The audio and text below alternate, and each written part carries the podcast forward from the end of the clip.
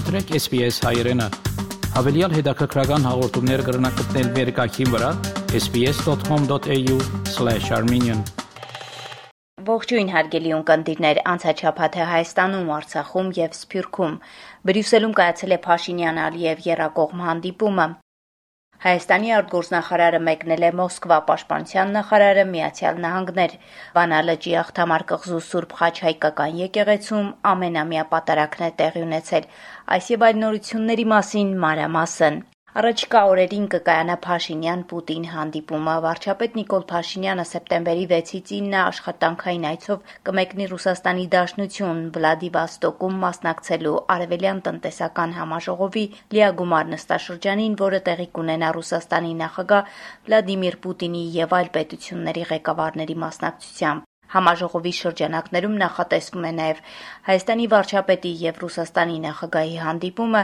Ռուսաստանի նախագահ Վլադիմիր Պուտինը Հայաստանի վարչապետ Նիկոլ Փաշինյանի հետ հանդիպմանը կքննարկի Լեռնային Ղարաբաղի կարգավորման հարցը, այս մասին ասել է Պուտինի օգնական Յուրի Ուշակովը։ Հայաստանի առանցքային նախարարություններից երկուսի ղեկավարները այս օրերին Ռուսաստանում եւ Միացյալ Նահանգներում են։ Հայաստանի արտգործնախարար Արարատ Միրզոյան աշխատանքային այցով մեկնել է Մոսկվա,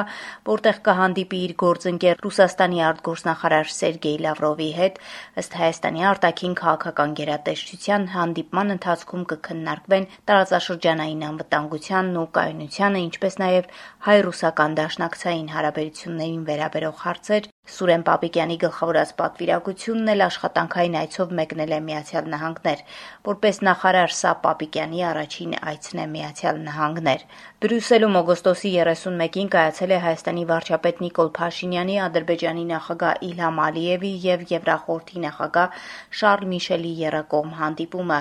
44-օրյա պատերազմից հետո Հայաստանի վարչապետ Նիկոլ Փաշինյանն ու Ադրբեջանի նախագահ Իլհամ Ալիևը հանդիպում են արդեն 6-րդ անգամ։ Բոլոր հանդիպումների նախաձեռնությունը Մոսկվայինն է կամ Բրյուսելինը, Փաշինյան Շարլ Միշել Ալիև հանդիպումը թվով 4-րդն է։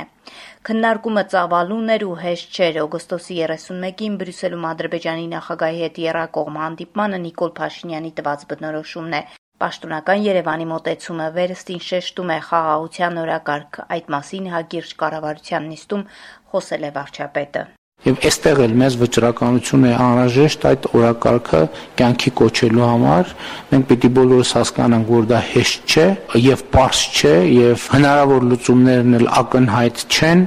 Մենք պետք է շարունակենք հետեւական աշխատենք եւ նաեւ կարծում եմ, որ անհրաժեշտություն է եւ նաեւ մեր ժողովրդի ցանկությունն է որ օր առաջ մեր տարածաշրջանում հաստատվի տևական եւ համապարփակ խաղաղություն եւ մենք պետք է ավելի ու ավելի շատ կենտրոնանանք այս խնդրի լուծման վրա Անդիմությունը շարունակում է պնդել, որ Փաշինյանի յուրաքանչյուր բանակցություն Ադրբեջանի հետ հերթական զիջման մասին է։ Անդիմությունը բողոքի ակցիա է անցկացրել Երևանի Ֆրանսիայի հրապարակում։ Այսօր մենք Հայաստանում հակահայ ուժերից ազատվելու կարիք ունենք հարգելի հայրենակիցներ։ Այդ հակահայ ուժերն են, որ անհաջողությունների վերջին փուլում մեզ տանում են խաղաղության կեղծ օրակարգի ներքո։ Անընդունելի է դա մեզ համար։ Իրենք տեսեք ինչ են ասում։ Իրենք ասում են, որ խաղաղությունը դա երաշխիք է անվտանգության։ Խաղաղությունը երբեք անվտանգության երաշխիք չի կարող լինել։ Խաղաղությունը անվտանգության հիմնարար արժեք է։ Անցած շաբաթ Հայաստանում սկսվեց նոր ուսումնական տարին 2022 թվականի սեպտեմբերի 1-ին նախնական տվյալներով դպրոց է հաճախում մոտ 40 հազար առաջին դասարանցի։ Նիկոլ Փաշինյանը շնորհավորել է գիտելիքի եւ դպրության օրվա արդիվ, խոսել է կրթական ոլորտում եղած խնդիրների մասին, ընդգծել, որ կառավարությունը նոր ծրագրով լայնածավալ բարեփոխումներ է սկսում իրականացնել հիշյալ բնակավարում։ Համոզմունքս է, որ այդ փաստաթղթի բարեհաջող իրագործումը երաշխավորելու է Հայաստանի ապագան։ Հայաստանի դպրոցներում աշակերտները, մանկավարժները տարին սկսում են խաղաղության բարեմաղթանքով։ Մեր երեխաները ոչ մի ռումբի ձայն չլսեն իրենց ողջ կյանքի ընթացքում եւ այս հրաշք տղաները, որ նստած են այստեղ, խաղաղ օրերի զինվորներ դառնան, իսկ գեղեցկուհի աղջիկները հայ մայրեր, որ աճեն, բազմանան եւ շատացնեն մեր ազգը։ Մեզ բազմանալ է պետք։ Սա մեր գերխնդիրն է այսօր։ Խելացի, գրագետ քաղաքացի եւ շատանալ է պետք։ Շատի հետ են հաշվի նստում, քչին, ինչպես տեսնում ենք, անտեսում են։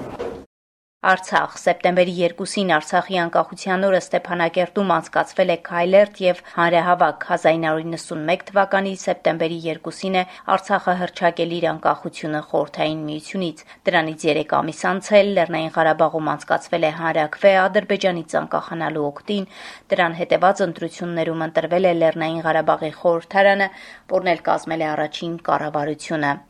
Արտգործնախարար Դավիթ Բաբայանը իր ելույթում նշել է. Դուք յուրա յուրաքանչյուրդ լինելով Արցախում, ապրելով այստեղ, պահպանում եք եւ պաշտպանում եք Արցախը։ Հետևաբար սա մեծ տոն է ողջ մեր հայ ժողովրդի համար, որովհետեւ իսկապես Արցախը եւ սեպտեմբերի 2-ը հայոց պատմության շրջադարձային օր է։ Արցախի հանրապետությունը հանդիսանում է հայության զավակը եւ բոլորս պետք է պահպանենք եւ պաշտպանենք Արցախի հանրապետությունը։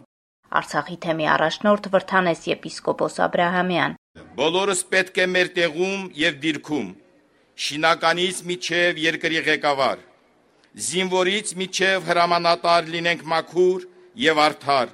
մեր կոչման եւ ծառայության մեջ ուստի եթե մենք իրոք սիրում ենք մեր երկիրը իրոք մեզ համարում ենք հայազգի եւ Արցախի սրբազան հողի մի մասնիկ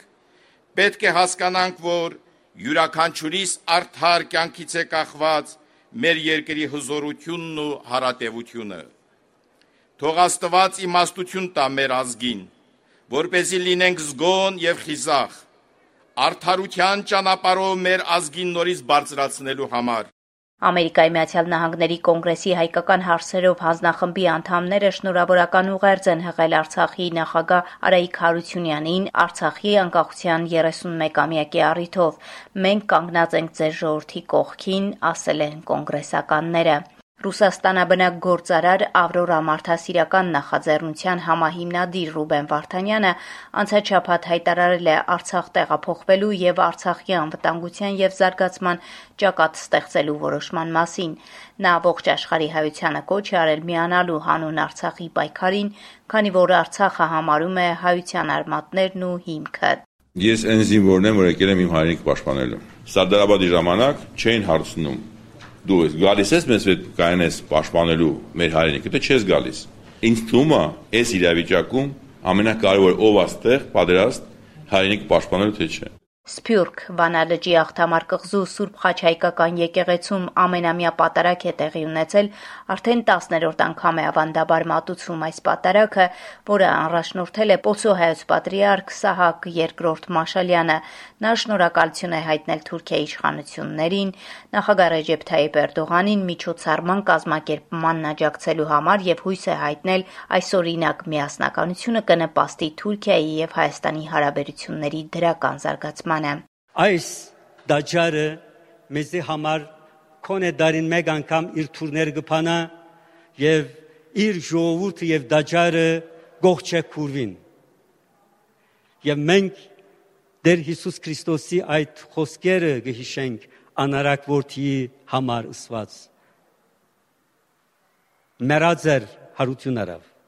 Գործված էր գտնվեցավ։ Իրավես այս տաճարին մեջ 10 տարիներ առաջ չէին կրնար, բայց պետության արդոնությամբ, աստծո նախախնամությամբ հիմա այս իրավունքը ունենք եւ այս տաճարը կկործածվի որպես թանկարան եկեղեցի շատ մարդոց միացման բաժար կլա Թուրքիայի հայազգի падգամավոր Կարո Փալյանը Facebook-յան էջում տեսանյութ է հրապարակել Մուշ եւ Վան իր այցելությունից սկիզբ գրելով. Այցելեցի Մուշի եւ Վանի հայկական պատմական վանքերը, որոնք խոնարհված են դժբախտաբար։ Ասոնք մեր հիշադակն է, մեր պատմությունն է, մեր մշակույթն է։ Անշուշտ կլհավոր պատասխանատվությունը Թուրքիայի գարավորությունն է, որ բահե բախման է այս վանքերը, բայց մենք հայերս ալ պետք է պատասխանատվություն մարնենք մեր հիշադակների համար, մեր վանքերի համար, բոլոր երկրի հայերն հոստեան գսեմ, որ եկեք միասնապար պատասխանատվություն առնենք, որբեսի նորակենք աս վանքերը, որբեսի ապրի մեր մշակույթը։ Ասել է Թուրքիայի մեջլիսի հայազգի падգամավոր Կարո Փալյանը։ Այսքանը անցնող շաբաթը Հայաստանում, Արցախում եւ Սփյուռքում SBS-ի համար ամփոփեց Գիտա Էլիբեկյանը։ Կուզես լսել նման բանություններ, կընտրե Apple Podcast-ի, Google Podcast-ի, Spotify-ի վրա, կամ որտեղեն որ podcast-ը դուք լսես։